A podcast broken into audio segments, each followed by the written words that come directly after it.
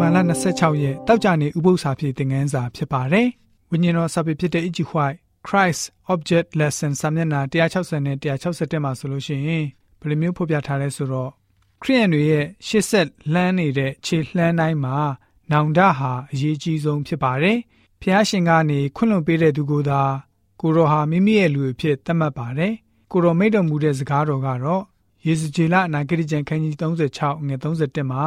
ထိုအခါသင်တို့သည် ကိုကျင့်ဘူးသောအကျင့်ဆိုးနှင့် မကောင်းသောအမှုတို့ကို အောက်မေ့၍ကိုတုစရိုက်အပြစ်ဆက်ဆုံယူရှာပွဲသောအမှုတို့ကြောင့်ကိုကိုကိုယွန်ရှာကြလိမ့်မည်ဆိုပြီးတော့ဖြစ်ပါတယ်။တဖန်မိတ်တော်မူတာကတော့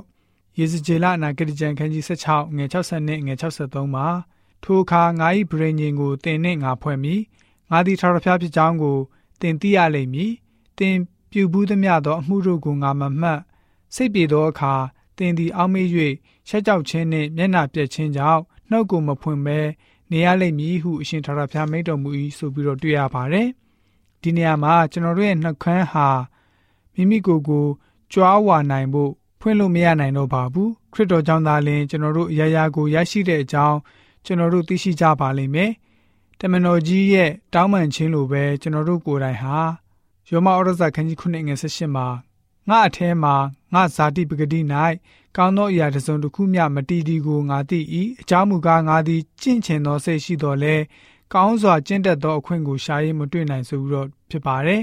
ဂလာတိဩရစာခန်းကြီး6ငွေ14မှာလည်းပဲငါဖြစ်လင်ငါတို့သခင်ယေရှုခရစ်၏လက်ဝါးကတိုင်တော်မှာတပါ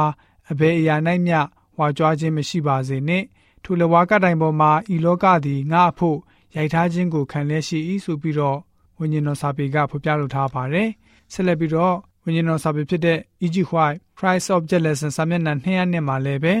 ဘယ်လိုမျိုးဖော်ပြထားလဲဆိုတော့ဘုရားသခင်ရဲ့ကျေးဇူးတော်သည်တင့်ကိုနောင်တလန်းသို့တွေးဆောင်သည်ဆိုပြီးတော့ယောမဩရစာခန်းကြီး2ငွေ4မှာတွေ့ရပါတယ်ပျက်စီးလျက်နေတဲ့ဝိညာဉ်တွေကိုဘုရားရှင်ရဲ့ကရုဏာတော်တနာခြင်းမေတ္တာတော်ရွှေကျိုးနဲ့ရစ်ပတ်ချီနှောင်ပြီးတော့ဆွဲယူတော်မူပါတယ် ယေရမိနာဂရိကျမ်းခန်းကြီး31ငွေ3မှာထာဝရဘုရားသည်အဝေးကထင်ရှား၍မိန့်တော်မူသည်ကားအကယ်စင်စစ်ထာဝရမြတ်တာနှင့်တင့်ကိုငါချေ၏ထို့ကြောင့်ကရုဏာကျေးဇူးကိုတင်၌